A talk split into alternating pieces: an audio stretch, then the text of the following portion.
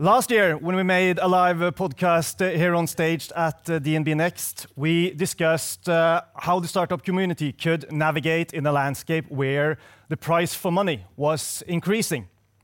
Now, this year, we'll discuss how to scale the energy transition.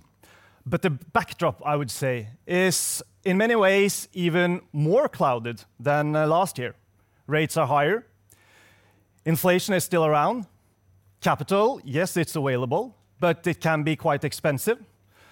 The European regulators have uh, yet to demonstrate speed compared to uh, what we see in the U.S., and the politicians are becoming some less vocal about the green shift. At least that's my opinion after listening to the British Prime Minister's uh, speech about their approach to net zero last week.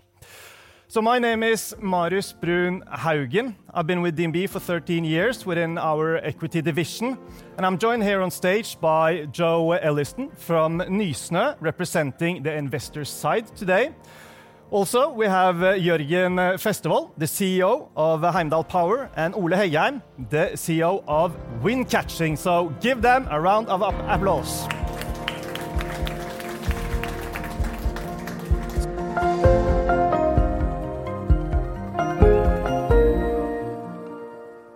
As you can see, I'm also joined by my DNB colleague, Andreas Østern, who uh, will co-host this session with me. Andreas works on the lending side of the bank with companies involved in the transition. So uh, what better guy to have uh, next to me? And after me being sort of all doom and gloom in the introduction, I think we need some positive vibes, Andreas. So just tell us quickly, why is scaling the energy transition important for investors, for companies, and ourselves here at DNB? Thank you, Marius. Uh, we need to massively build out renewable energy and electrify as much as possible to meet the 1.5 scenario. And according to IEA, we must triple renewable power by 2030 and double the energy efficiency. All these technologies that will enable this is, among others, offshore wind, which is expected to grow 6x uh, the next 10 years and will require massive investments of almost $800 billion. And in accordance to that, we also need massive investments of around $100 billion in the supply chain just to ensure that we can meet those government targets for offshore wind build-out. And also with increased renewable power uh, and electrification, we also need to scale the grid capacity, which in some markets is seen as a uh, bottleneck for the green energy transition. So this is a backdrop. This is a trend that is extremely interesting, uh, both for investors and also for us as lenders to finance, uh, for companies, uh, and investors, and capital providers. Yeah. And, and It's not all doom and gloom. I guess some of the reports you mentioned, I read them too, And, and, and what I sort of read is that over the last two years, we have also seen remarkable progress in developing and deploying some key clean energy technologies. So that's a good thing, and I'll guess we'll learn more about it. Um, I'll start off with you, uh, Jørgen. Uh, just in short, what's uh, Heimdall Power doing?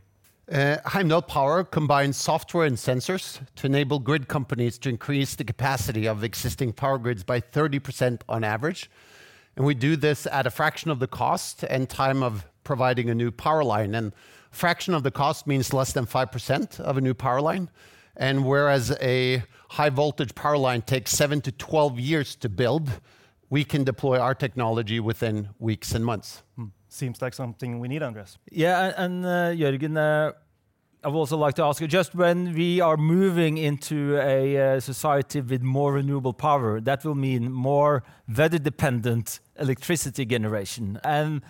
It's not blowing all the time, and the sun might not shine all the time, and we have this variation and more volatility. Uh, is that something you also can solve? Absolutely. Uh, I think our technology is uh, essential to get more renewables on the grid, and I'll give you a quick example. In the U.K., there was a wind farm that wanted to increase capacity by 30%, and the grid owner said, "We can't because the rating says you're above the limits." Uh, and the alternative was to spend maybe 20 million euros and 12 years to build. Uh, that was not an acceptable solution, so they bought our solution. And not only could we increase the capacity by 30%, but after that, they could increase production five times on this line using our technology. So it really is an enabling for the energy transition. Hmm. Ole, what is uh, wind catching all about? Well, wind catching is a very visual product. And the wind catching i- is a floating uh, offshore wind plant that is that is made to, to, um, from, from a hydrodynamic point of view. We are coming into this not from an aerodynamic point of view, but from the hydrodynamics, what we know in Norway. How can we make as much energy production as possible on one floater? We have based it on multi-turbines, which is nothing, uh, nothing uh, uncommon. It's been done many times, but we have, we have really industrialized it with uh, use of uh, an elevator system that, that enables the system to work without any big crane ships or, or anything. So we can enable, we, we are solving a lot of the problems in the floating wind industry today, where we can, we can allow for mass production of turbines. We have um, easily scale up with the number of turbines instead of the size of the turbine. And we have a very low cost operation and management system with the, with the elevator. In, in all, the low complexity gives you a very low levelized cost of energy. as a lender, we also look at all these different technologies, right? And we try to figure out when are these technologies bankable. And when we are looking into floating wind, which is of course very important for Norway, uh, how can we? How will you compete and uh, succeed and scale fast enough compared to all the other alternatives out there? And last time I looked, it was around 80 different concepts for floating wind. So where do you fit in uh, among all these others uh, competitors of new technology? Well, we are using standard semi-submersible technology as, as, we do in the North Sea. I mean, there's, there's a lot of these technologies that you are referring to are fairly similar supports for a standard windmill. What we are doing here is to scaling up with, with the multi-turbines. We are working very closely now with uh, both European and Norwegian utilities. And we have also applied uh, for the, the Norwegian government or the Oil and Energy Department for our own demonstration license um, that we are hopeful that they will open up for us, that we can demonstrate our technology. And clearly, I think um, the customers are there. The customers be, believe in the in the product and they see the advantages of having a different supply chain than than the conventional mills. Um, so we what we need is projects, and we need the, the infrastructure for projects. Joe, on the investor side, uh, when it's come to uh, scaling, how important is that as an investment criteria? Yes, um, well, th- th- that's uh, fundamental, I would say. So, w- uh, when Nysnø invests in companies, we have three objectives positive returns, positive impacts, and uh, po- uh, reduced GHG emissions. So, if you ta- talk about scaling, you can't, cannot make returns if you're not able to scale your company. So, that, that's one. So, you, you're not able to reduce GHG emissions if the company does not scale the technology. And then the positive impact, meaning people getting jobs, etc., that's not possible if you don't increase and scale. So that's a quick, quick answer to that. How do you work as an investor? Are you active, involved in all these companies, or, or take majority, or uh, how do you compare Yeah. for other kind of uh, investors out there? So um, we are set up as a traditional VC fund, but we're a government 100% owned by the state. So we only take minority positions. We're not allowed to take majority positions. And we always need to be matched by private capital. So when we invest, we need to have private investors alongside with us. So we are, in that uh, saying, we're catalytic. So we hope to be that investor that makes other private investors want to invest in the same company. And and just uh, being an active investor, we always take board positions, or almost always take board positions, and try to help out the companies as best as we can. Just one thing I want to ask for, uh, since we are at NXT, where we have a lot of companies as well. Uh, today we got some news from the government. Maybe you can uh, enlighten us a little bit on your funding situation. Yes, uh, I think we should have a big hooray, but uh, we we just uh, committed with 1.85 billion NOK. Uh, you mentioned before when we spoke earlier that should be euros rather than NOK uh, in order to match that criteria that you mentioned before. But uh, but well, um, that helps us a- lot. We are have 3.5 billion under management right now, and with 1.8 billion, that um, helps us to do even more of what we've done and having that trust of the government allocating us with that type of capital is um, very important for us. So uh, we're doing something right. That's a lot. Congratulations. But the, the question is, I guess, is it is it enough? Uh, we, we- we'll leave that hanging. But are you going to deploy it all at once?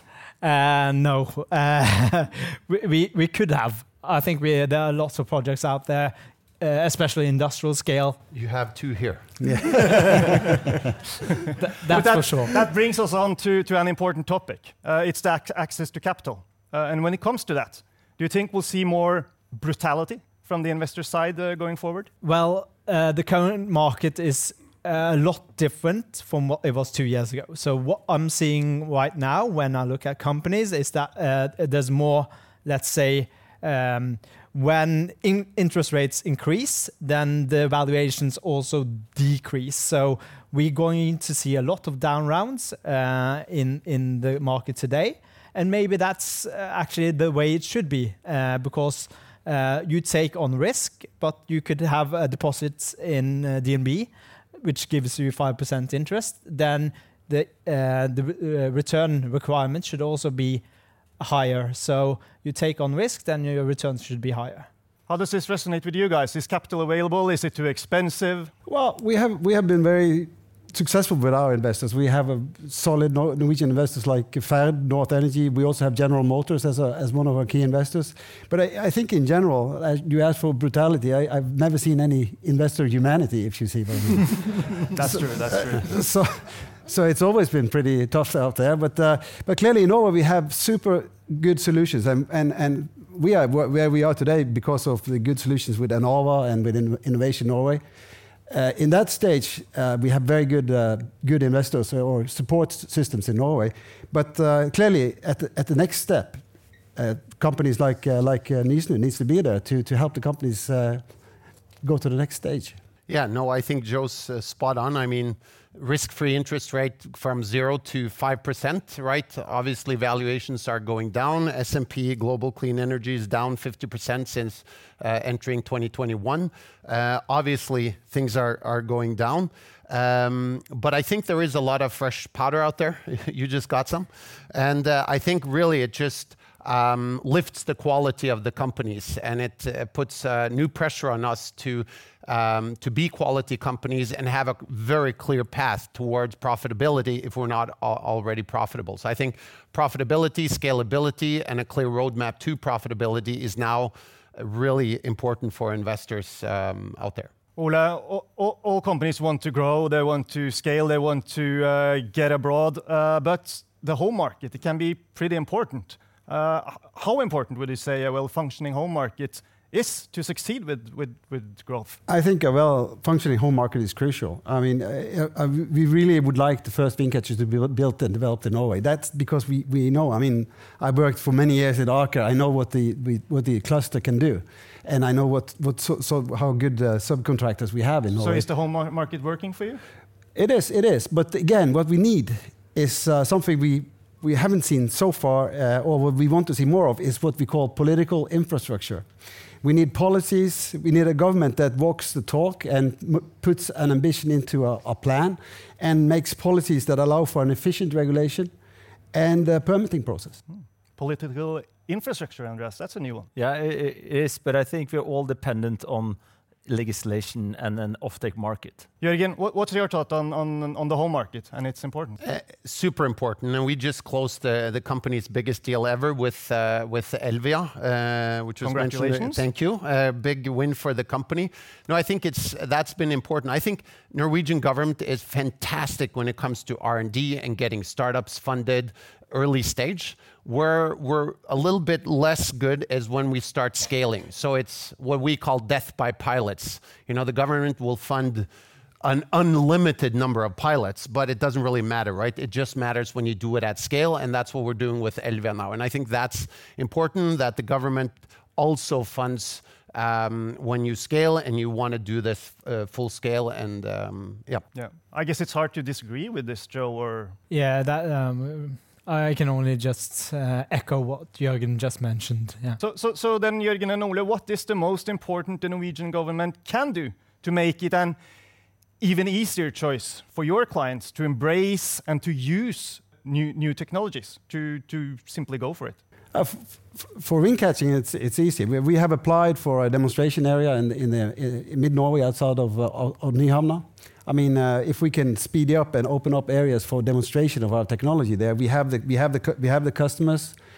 Maybe we have the bank as well, but, uh, but uh, we, we do have the investors behind us to do it. But we need the projects, we need, uh, we need uh, um, areas, and we need also a, a very firm plan on build-up of floating offshore wind in Norway. Compared to when when you look at UK and, and US, we are lagging a little behind on not on ambitions but on plans. I guess time to implement is also uh, important. It is, but the, for banking um, perspectives, we always fund cash flows, right? So uh, we will technologically risk we not necessarily take ourselves. We would like our clients' clients to take that in a way. Hmm, hmm. So the investor narrative, I believe, I touched upon it uh, in the introduction, is that you know regulations in Europe takes too long time. Um, something happened after the US uh, launched the Inflation Reduction Act, but but is the EU are they taking this seriously enough? What do you see from from your side, uh, Joe? Yeah, no, it, it's it's taking time, that's for sure, and and it's it's very difficult for us when we don't have a clear uh, view on what's happening in the EU and in Norway, uh, in accordance with what they mentioned already. So, so we are seeing in an increased ma- manner that uh, companies are opting to build in the US compared to in Norway. From an finance perspective, that's fine because I, I make the same returns. I do the positive impact. I do reduce the GHG emissions. But maybe Norway or any EU should have a think about if we are lagging the all the other um, nations. Jørgen Heimdall is present in the US. What are the US doing right? Well, of course, the IRA has naturally been a game changer for, for green investments and, and moved a lot of investments from Europe to the US. Uh, but luckily, uh, Heimdall gives uh, a wonderful return on investment for our customers. So we're not really dependent on the IRA.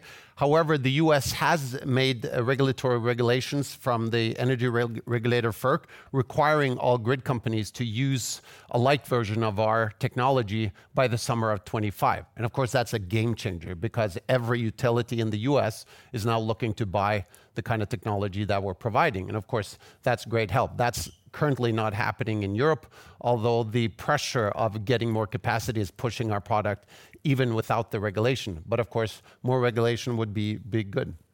Jørgen, how do you scale then? Can you, as a young company, uh, do you have the resources to kind of be both both sides of the pound, uh, to say it like that?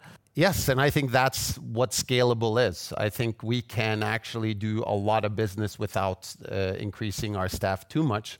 So we have the capital, we have uh, the competence and knowledge to go in and take the US, and I think that's going to be our most important market the next 18 to 20, 24 uh, months. And we're looking forward to close. We, opened our office in US in February, closed our two first deal in May, and we're looking to close a lot more in, in 24. All right, Joe, to sort of start uh, wrapping it up here. Uh, if I gave you uh, 100 million NOK, I, know that's, that's a small amount to you compared to what you just announced you got earlier. Uh, you had to invest it in the transition. You had a 10 year horizon, but you had to make a hard choice. Either you invest in solar and batteries, or you invest in wind and grid. So the latter is represented here on stage today. So where would you place your bets? Well, I'm going to make myself very pop- unpopular by answering that question and not uh, relating to these guys because um, I would opt for wind and grid um, uh, capacity increase because I think uh, that's a huge barrier for the green transition. And there's a lot of capital deployed in solar and battery today.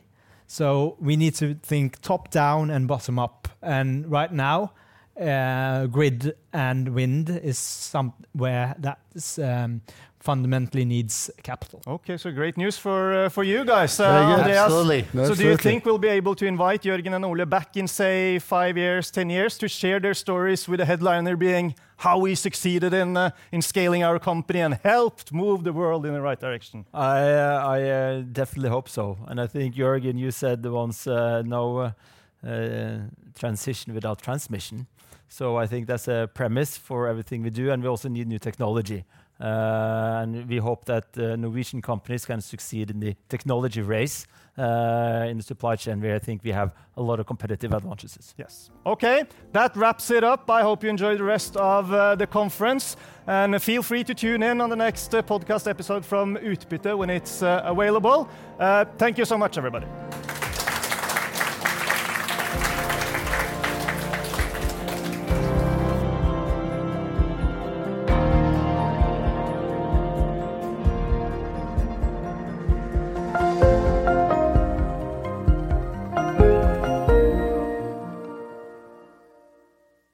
Denne sendingen ble publisert i podkasten Utbytte. Innholdet i sendingen er å anse som markedsføringsmateriale fra DNB og er ment å være generell spareveiledning. Sendingen skal ikke oppfattes som et tilbud om å kjøpe eller selge finansielle instrumenter, eller som investeringsrådgivning tilpasset den enkelte investors situasjon. En investor som har behov for råd eller har spørsmål om informasjon som gis, bør kontakte en finansrådgiver. DNB påtar seg ikke noe ansvar verken for direkte eller indirekte tap som følge av innholdet i sendingen legges til grunn for eventuelle investeringsbeslutninger. Husk at historisk avkastning aldri er noe garanti for fremtidig avkastning. Avkastningen kan bli negativ som følge av kurstap. Bruk av prognoser for å beregne fremtidig avkastning er heller ingen garanti for fremtidig avkastning. Innholdet i sendingen bygger på informasjon fra offentlig tilgjengelige kilder som DNB ser på som pålitelige, men som ikke er uavhengig verifisert. Følgelig gir DNB ingen garanti i forhold til nøyaktighet og fullstendighet. Alle uttalelser her reflekterer DNBs, den enkelte ansatte, eller andre tredjeparts vurderinger på tidspunktet for den aktuelle sendingen, og kan i ettertid endres uten nærmere beskjed. Ytterligere informasjon om bl.a. kildebruk og interessekonflikter er tilgjengelig på dnb.no skråstrek invest, disclaimer.